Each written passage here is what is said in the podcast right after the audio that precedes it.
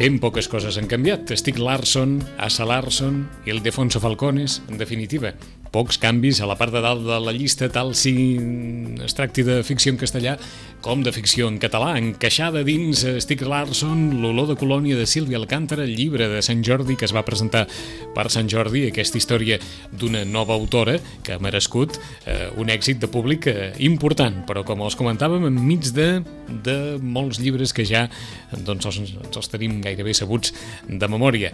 Rosana Lluc, bon dia.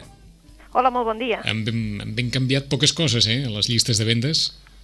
Sí, poques coses han canviat, no? El Poquíssimes. que passa és que potser, potser han canviat una mica més en castellà, Mm. i aquí el que surt també em sembla que són els de aquests llibres en butxaca que es venen més, que són el Caçador d'Estels o Mhm. els Esplèndids, que són llibres que s'han anat venent aquest, aquest estiu. Eh, això mateix, però eh, anàvem a dir que, que ho avorrirem al final, Rosana, això, eh? Sí, el que passa és que ara, ara ja començaran a canviar, eh? Per sort, ja... Començaran a canviar, esperem, eh? Esperem, perquè sí que és veritat que ha sigut un estiu Larson, però que ja, ja ho preveiem, si te'n recordes, ja dèiem, bueno, que Ah, això que mateix. l'estiu Larson.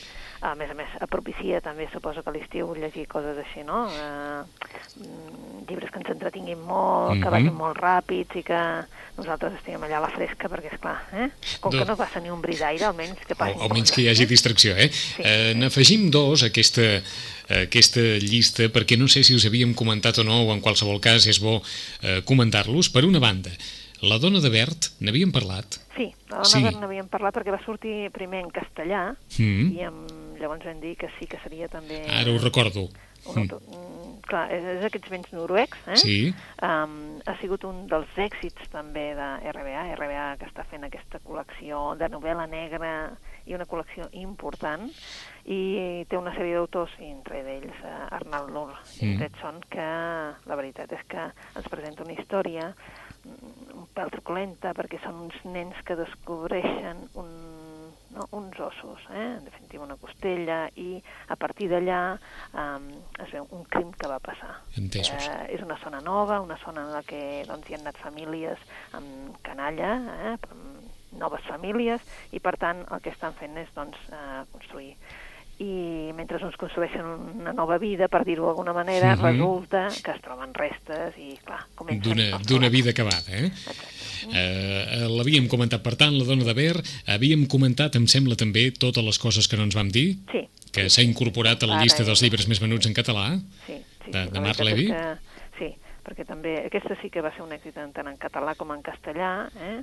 Potser, clar, en castellà, com que hi ha més títols, no es nota tant la seva, Mhm. en canvi en català es va notant que, que sí. D'acord. Havíem parlat, de- el títol és molt evocador, i, i aquells que hi hagin passat segurament encara hi podran trobar un, una motivació més per comprar el llibre d'un vinyedo en la Toscana. Sí, sí que vam parlar, però fa molt temps. Fa molt només el temps. Vam, el vam anomenar així perquè era un dels èxits de, de Sex Barral, Sí. d'aquelles novel·les eh, eh, boniques, d'aquelles novel·les que amb, amb un entorn idíl·lic, no? Mhm. que quasi, quasi sembla una pel·lícula, però és una novel·la important també per dir, bueno, eh, eh, una mica doncs, recordant eh, aquell lloc preciós on, te, no? on a tots ens agradaria Ah, estar. això mateix. Eh? En aquest cas s'ha incorporat, eh? en aquest cas s'ha Sí. incorporat a la llista dels llibres més venuts en, en castellà i havíem comentat el nou llibre d'Isabel Allende. No, aquest No, no. eh Aquest que no? Havíem dit que sortiria un nou llibre de la Isabel Allende. Perfecte, doncs ha sortit i s'ha ficat a la llista, ha sortit eh? i, i ja es nota. Eh? La veritat és que és un dels llibres que, que també s'està venent. Eh? La isla bajo el mar. La isla bajo el mar, una portada també bonica, una portada no? amb una noia que, mm, eh, de pell morena, amb, amb uns cabells que evoquen doncs, això, i uns ulls que et demanen llibertat. No? Um, clar, eh, quan, quan comences la novel·la ja veus que serà una d'aquelles novel·les de la Isabel Allende, eh? d'aquelles novel·les amb força, eh? perquè comença doncs, dient Sarité, que és el personatge, i llavors ella comença parlant, ¿no? En mis 40 años yo, Sarité Sedella, he Mhm. tenido mejor suerte que otras esclaves. I dius, bueno, això ja promet, eh? O sigui que això és un diari personal? Uh, sí, uh, representa que, bueno, que ella ens va dir que està disposada a viure molt, eh? Mm, voy a vivir largamente y mi vejez Ujú. será contenta porque mi estrella, mi setual, brilla también cuando la noche está nublada. bé, és, saps, és allò d'aquelles novel·les que dius, va, serà una, una altra d'aquelles novel·les en la que la Isabel Allende hi posa absolutament tot. Passions, eh? Um, allò, no? Passions, eh, amors eh, amb, amb diferents homes, amb felicitat, però és una felicitat també sostinguda, eh? I, i és allò una búsqueda de la llibertat. Eh? És una novel·la, bueno, és allò que és una, una esclava eh, de Sant Doming, de finals del segle XVIII, i Zarité, ella sempre ha cregut que havia tingut molt bona estrella, eh? perquè als 9 anys ella ja va ser venuda a Toulouse-Valmorenc, que era un ric tinent, però d'aquelles dones que no defalleixen. Eh? Um, va haver de fer de tot, eh, sofriments, eh, eh, haver d'estar-se en una plantació de canya, eh, va ser una esclava, de fet, domèstica. Mm -hmm. En definitiva, molt aviat eh, aquestes coses no les va haver de patir i va ser domèstica. Eh, una persona molt bondadosa, fo forta, mm, honrada, d'aquelles que, de fet, um, va compartir amb tots els seus eh, molts sentiments eh, i en definitiva també va conèixer les misèries d'aquells amos, dels blancs. Eh. El Sarité, la Sarité es va convertir en el centre, en el centre d'un microcosmos, que era la colònia de... I allà l'amo, el Van Morenc, eh, bé, tenia una dona que era molt fràgil, una dona espanyola, vale? eh, també tenia un fill, un fill potser massa sensible per l'entorn en que vivien, el Maurice, eh? També hi havia els militars, eh, cortesans, mulates... De fet, ella ho va conèixer tot i, en definitiva, eh, va aconseguir marxar. Mm? Va anar cap a Nova Orleans i allà a Sarité comença una nova etapa, eh? en la que, evidentment, eh, només té una aspiració, la llibertat. Mm -hmm. És una novel·la d'aquelles eh, com us deia, no? escrita per la Isabel Allende, en la que se'ns demostra tot aquell realisme màgic que, que té la literatura sud-americana, de, de sentiments, de passions, i de que moltes coses que tu les veuries com a, no? com a molt dures, sí. en definitiva te les posen com a boniques. Doncs eh, et anava a preguntar si hi ha final feliç o no, però no val la pena. Eh? No, no, perquè les disfr la disfrutes ja, per... i llavors eh, doncs, el lector que la disfruti mm -hmm. fins al final. Doncs et pregunto si hi ha versió catalana, si n'hi ha d'haver... No. No. En principi no. En principi no. En principi no. No, no han dit res. Eh, Isabel Allende és d'aquelles autores que, que escriuen en castellà i que jo crec que, el, que els lectors estan acostumats a dir bé, doncs la disfrutem en castellà, que potser, uh mhm. -huh. no? És la seva llengua i llavors doncs ja... Eh? D'acord. Però la veritat és que no. De moment no, eh? Malgrat que sí que tens raó que aquestes, aquest mes, eh? d'aquí uns dies, surten la versió catalana eh? de Cercas. Eh? D'acord. De tan, també... tan esperada, és a dir, la versió catalana del, del llibre de Javier Cercas sí. surt aquest mes. Surt aquest mes, i també surt la versió catalana de l'Ildefonso Falcone. Uh -huh. sí, eh? Que el llibre de Cercas ha desaparegut ja, eh? Uh, sí, sí, malgrat que... Mm. Bueno, encara, encara es ven, eh? Encara es ven? La ficció, sí, amb l'anatomia d'un instant es va sí. venent, eh? La veritat és que es va venent. D'acord. El que passa que, esclar, eh, és el que dèiem, no? És una novel·la novel·la mm -hmm. perquè llegeix com una novel·la, però que no és novel·la, que ningú no s'enganyi, no és una novel·la. Mm -hmm. Tens tota la raó, eh? Apareix en la llista de, de no sí? ficció. Va, sí, sí, doncs, apareix... En, no la tinc al davant, eh? Una... Dir, la recordo, però no, mm -hmm. no la tinc al davant. Apareix en una, en una bona posició, darrere Risto Mejide i davant d'una biografia de Michael Jackson. O sigui que aquí al mig hi ha Anatomia d'un instante i la versió en català a punt de sortir, per tant. A eh? punt de sortir. Aquest mes surten totes dues versions, que així com a, com a traduccions al català potent són, són aquestes dues. D'acord, eh? és que recordo si no... si si no ens vas dir malament que era el mateix eh, Javier Cercas el que volia eh, presentar una traducció com cal, no? Sí. I que per això s'havia... Per, per això es va, es va tornar. El que passa que no, la veritat és que com que no tinc el llibre, tampoc no... Uh. -huh. En la fitxa només diu anatomia d'un instant, però no diu res més, eh? I no sabem si realment... Eh, jo diria que ell no ha fet la traducció per això, eh? Que, que sí, és que és evident que eh, parla català, per tant, la deu haver revisada mhm, totalment. Uh -huh. Però jo diria que normalment, a més, el Cercas que viu eh, cap a Girona, eh, mm -hmm. doncs eh, té molt bons amics allà, eh, que li poden que ajudar amb el tema de dir... Eh, forçosament, això, eh? forçosament serà una bona traducció, sí, està clar. Sí, eh? sí, jo suposo que per això també s'havia volgut esperar de dir... Mm -hmm. O sigui que, bé, eh? per aquells que s'esperaven, que sàpiguen que és a punt de sortir Anatomia d'un instant mm. i, en el cas de d'Ildefonso Falcones, La mà de Fàtima es titularà?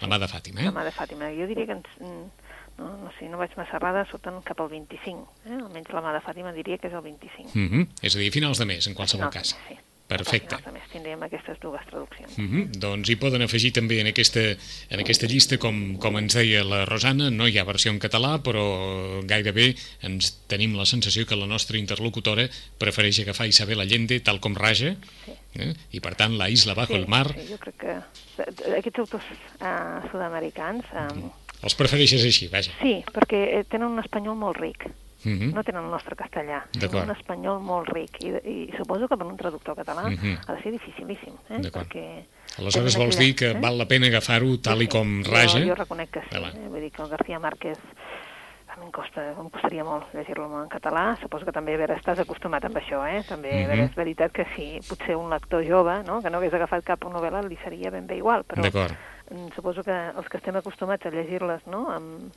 amb aquest espanyol, jo dic espanyol, eh? Uh -huh. La gent que em corregeixi si volen, però jo dic espanyol, perquè aquest, uh, aquesta llengua que nosaltres no, no arribem a parlar, perquè tenen molt més vocabulari, molt més ric, moltes més excepcions, perquè, és clar estan uh, a part de Sud-amèrica i, per tant, és més, és més ric el nostre. D'acord. Doncs que quedi clar, una recomanació així, tal com raja, La isla bajo el mar d'Isabel Allende, la sinopsi que presenta, en aquest cas, eh, el suplement de Cultures de l'Avantguàrdia diu textualment la història d'una nena esclava en les plantacions de sucre de la illa de Santo Domingo. Però hi ha més història, a part d'aquesta, eh? Història, sí. Hi ha molta bueno, més clar, història. Una nena esclava, evidentment, el que ens hi ha és la llibertat, Ah. per tant, no?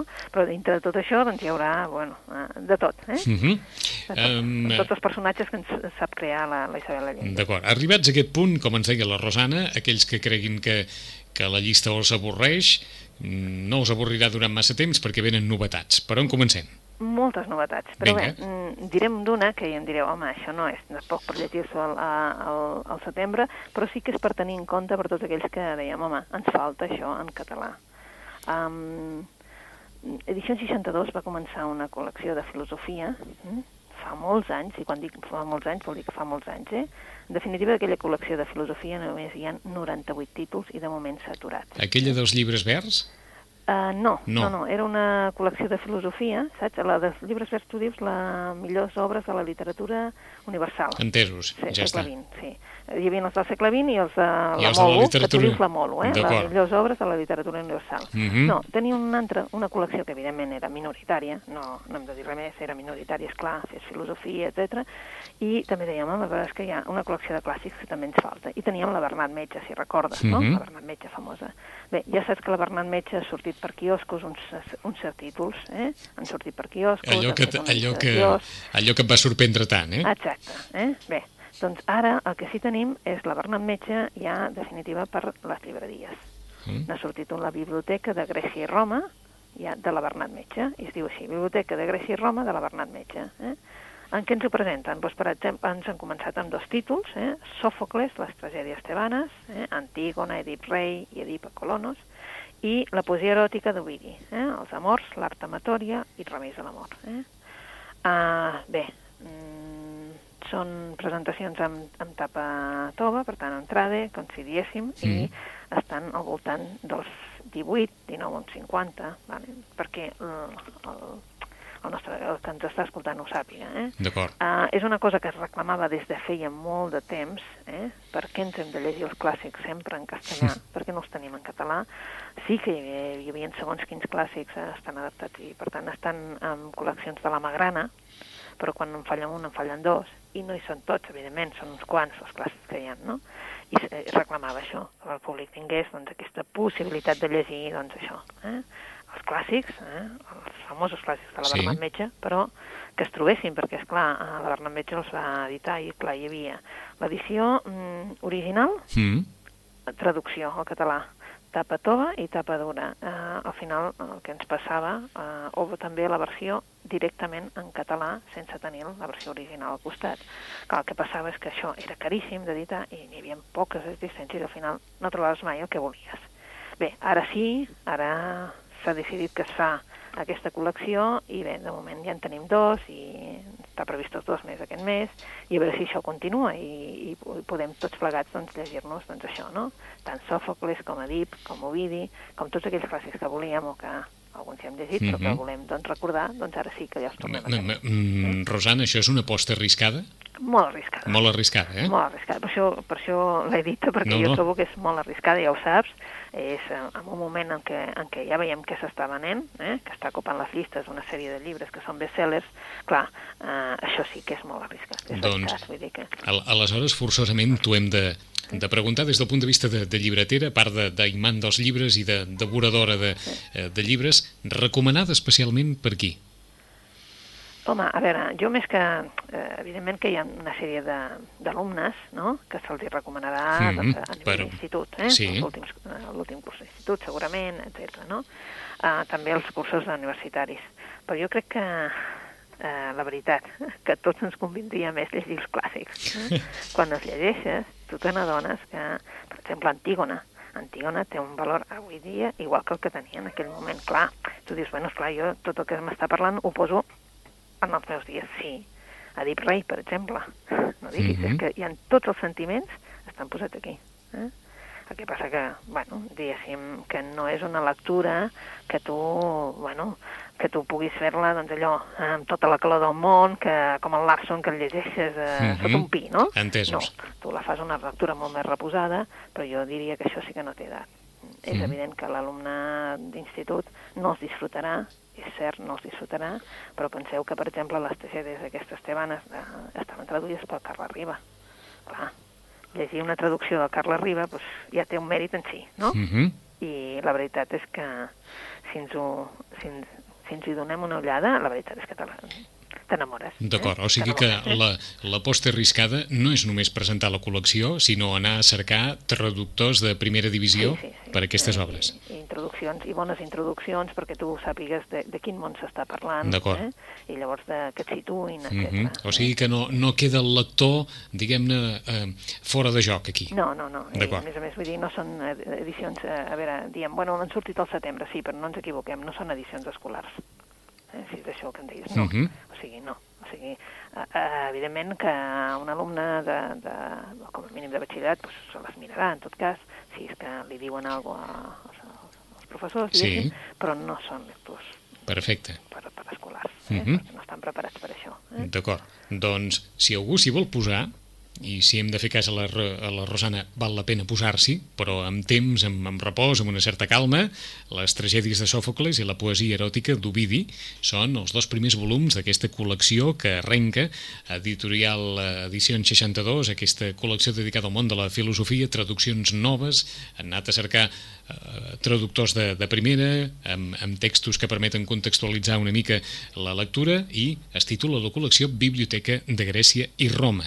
Per tant, tots aquells que, que s'hi vulguin ficar crida una miqueta l'atenció també amb, amb la llista de no ficció en català apareixen les cartes d'Itàlia de Josep Pla aquí, puf, com qui no vol la cosa enmig també de, de, dels llibres més actuals i dels llibres que parlen de Catalunya i dels catalans, etc. pum, surt aquí un... Sí. és que si te'n recordes, clar, uh, tota l'obra completa del Josep Pla, uh, tothom recorda allò, aquella col·lecció vermella, sí. aquells, aquells volums, sí, però esclar, avui en dia què fem si no tenim allò, no? Uh mhm. -huh. Doncs és, és eh, l'editorial la, la Butxaca, diguéssim, eh?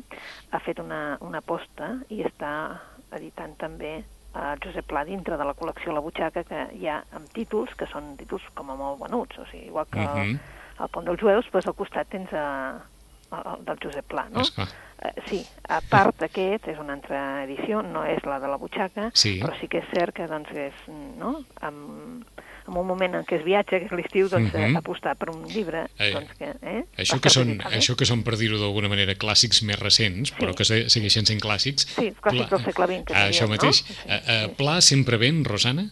Sí. Sí. Jo, és curiós, eh, que diguis, bueno, és el que et deia, no? Tu poses al costat, doncs és igual, eh? eh et dic aquest, com et dic les dues del Pamano, com et dic... Eh, sí. Eh, és igual, eh, el Pont dels Jueus hem dit perquè va ser un èxit allò terrible, no? Uh mhm. -huh. Doncs els poses al costat i dius, bueno, i el pla sempre ven? I sí, el pla. És cert que, que qui, qui l'està comprant doncs és una persona doncs, més adulta, no? per dir-ho d'alguna manera.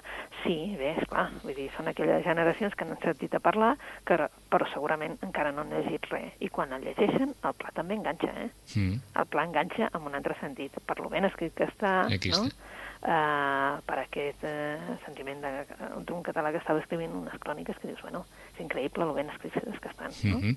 I dins de pla hem de suposar que el quadern gris... Sí, Sí. Quadern Gris també és el que ha publicat Veus la butxaca i dius, bueno, doncs com a mínim que estigui publicat allà. Ahà. Clar, el que passa que això, quan la gent diu, home, no, no hi ha una edició més maca per poder-la, no?, per poder-la regalar. D'acord. Bueno, no, no però No. de moment com a mínim hi ha el text, això ja és, eh? Que ja és mínim, molt, eh? Ja el tenim. Que ja és molt. Hem començat, Que ja per, és aqu... molt, eh? Hem començat per aquestes dues eh, novetats que d'alguna forma la, la Rosana ha volgut fer valer, Sí. però, eh, a veure, el ventall, com ens deies, és molt ampli. Per on podem seguir? Pues seguim eh, per una novetat que va fer potser, potser de les primeres, jo diria, eh? que passa que ens la vam l'altre dia, que era Esquivant la mort, eh? Mm. de Joss Bassel. Uh, aquí s'ha de dir eh, que bueno, un xapó per la- l'editorial Bromera, perquè està fent una aposta sèria de traduir al català tota una sèrie de llibres doncs, que, que cap altre editor ho està fent, no? i ells doncs, se- s'avancen i malgrat que des del País Valencià diuen doncs nosaltres apostem, no? apostem per aquest. I el Joss Basel eh, eh, en castellà ens ha vingut a, per, la, ma- per anagrama i en català, per, que es dèiem, per bromera. Per què aquest llibre? Pues aquest llibre, Esquivant l'amor, eh? Burlando a la parca, en castellà, eh? Mhm. del Joss Basel, em, tots dos porten una franja que diu un thriller eh? entre House i El Soprano. Eh? Ja, ja, ja et situa. Eh? Sí, oh, i tant. I tu dius, bueno, Déu-n'hi-do, no? Clar, parlant de la mort, entre House i, a més a més, qui és? És que resulta que el protagonista és un metge, eh? El Peter Brown és un metge, un metge in- intern, no?, que, que està en el pitjor hospital de Manhattan, se'm presenta, no?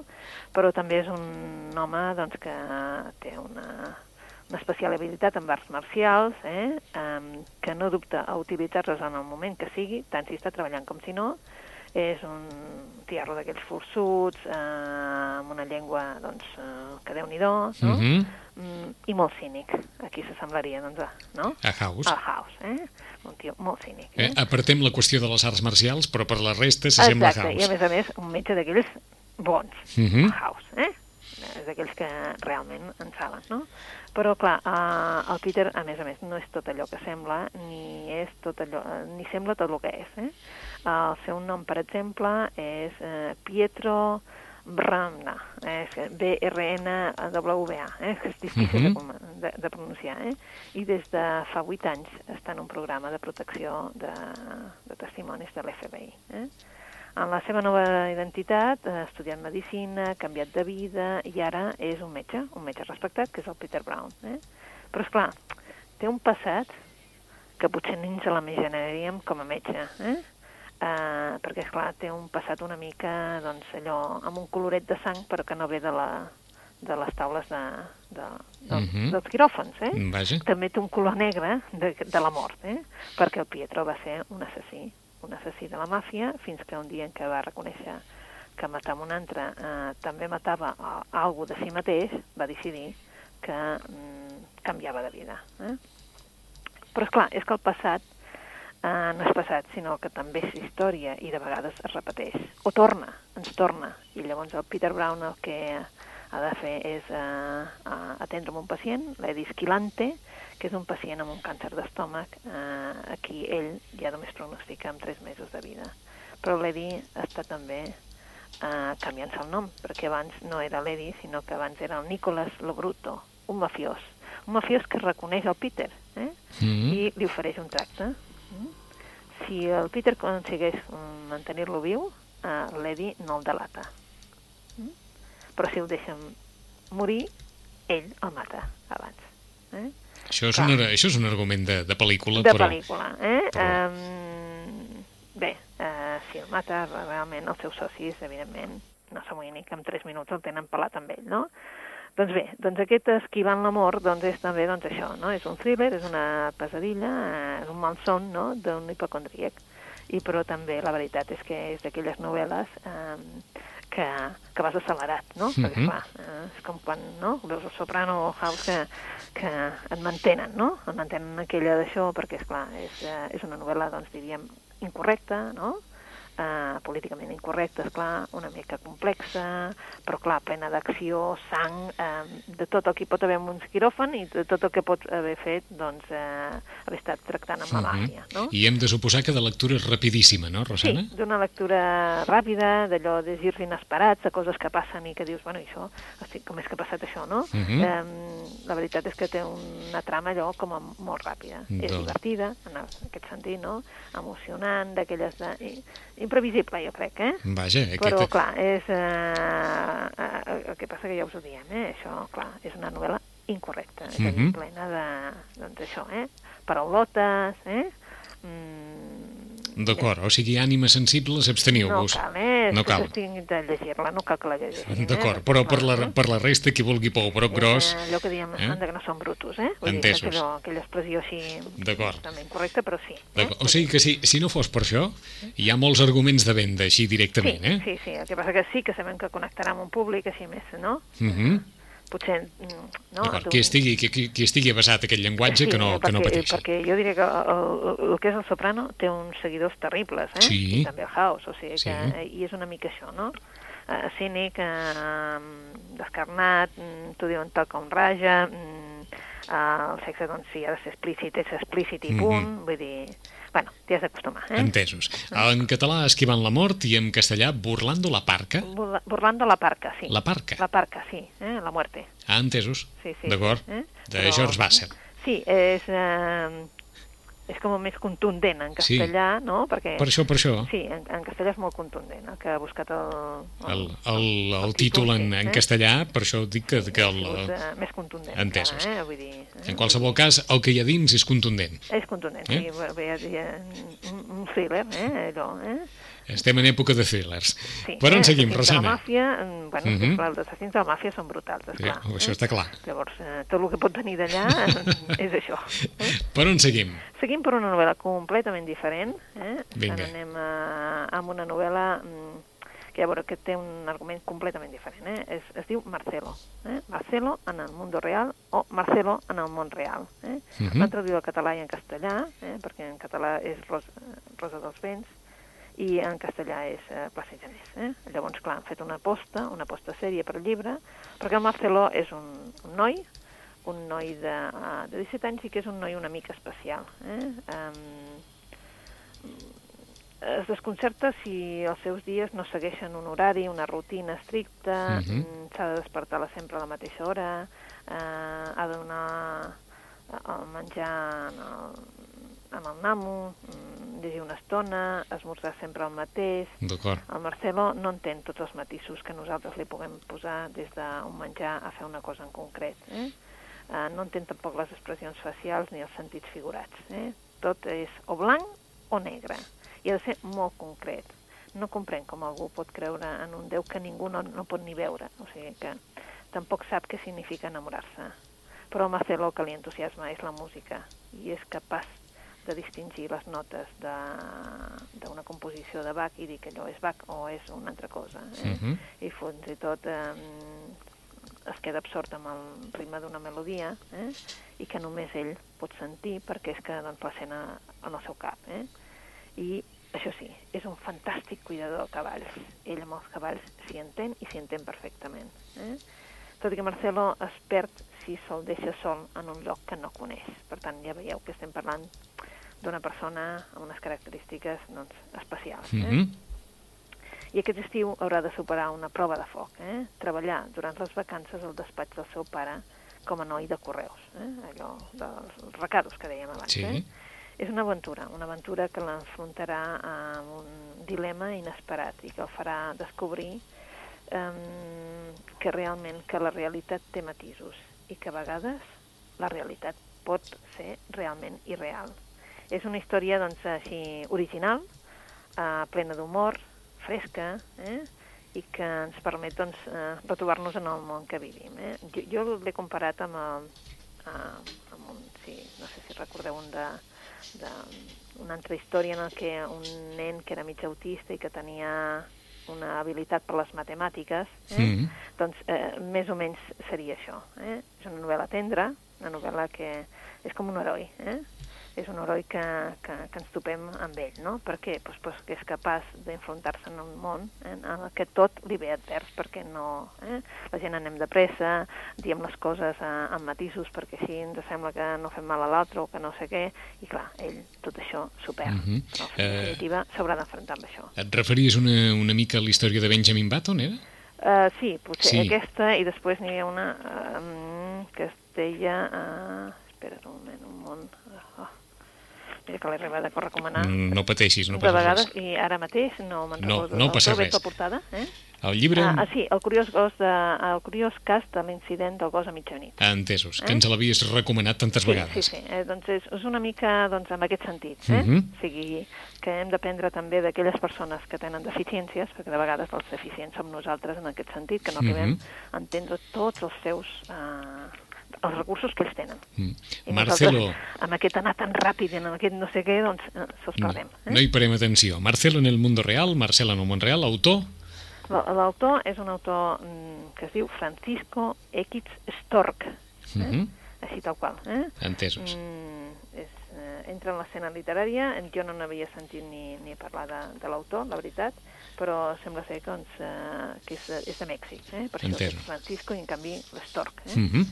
eh, tenim temps per un llibre més, Rosana. Un llibre més. Ara això ja és més difícil decidir-se per una o per una altra. Eh?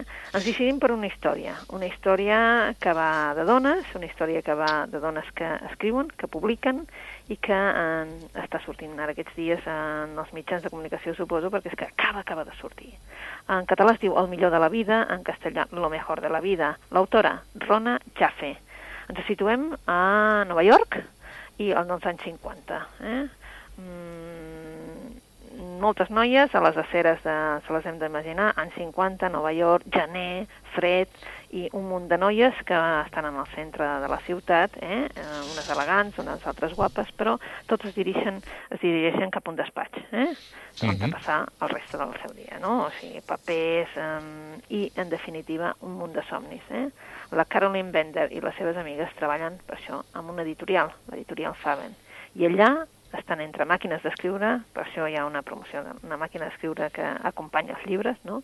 que és un ambient doncs, eh, que estan intentant que intentar conquistar un manuscrit, lo mejor de la vida. Eh? Allà eh, és el manuscrit del llibre, eh? és un manuscrit carregat d'humor, intriga, és un lloc on eh, el triomf de, eh, és cosa d'homes. Les dones són objectes, uns objectes que estan darrere d'una màquina d'escriure. Eh? I a fora què hi ha? Doncs a fora hi ha a Manhattan, eh, els bars, que sempre estan oberts, que són una tentació, i el món que sembla un joc, un joc on eh, no hi ha regles, però sí que hi ha noies, guapes, noies elegants, i estan soles i volen apostar per aquesta carta i aquesta novel·la que està dedicada a elles.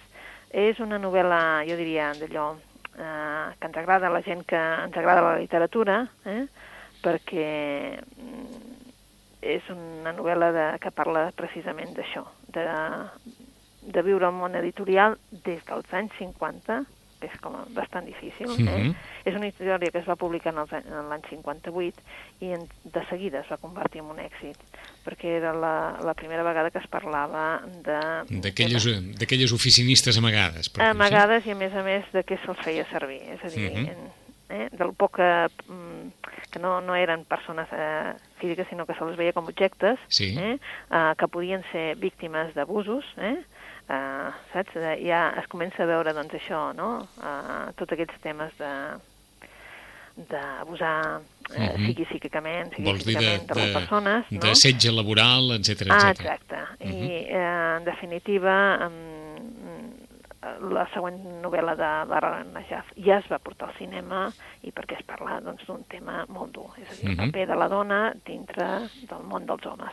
Eh? Tenim una certa sensació que avui has tancat el cercle, perquè hem començat amb una història de recerca de la llibertat i gairebé n'acabem amb una que té una certa interpretació també en aquest sentit, eh? Sí, D'aquelles dones tancades que no podien marxar d'aquest món que, que les enfaixava per totes bandes. sí, i en canvi estan treballant precisament Uh -huh.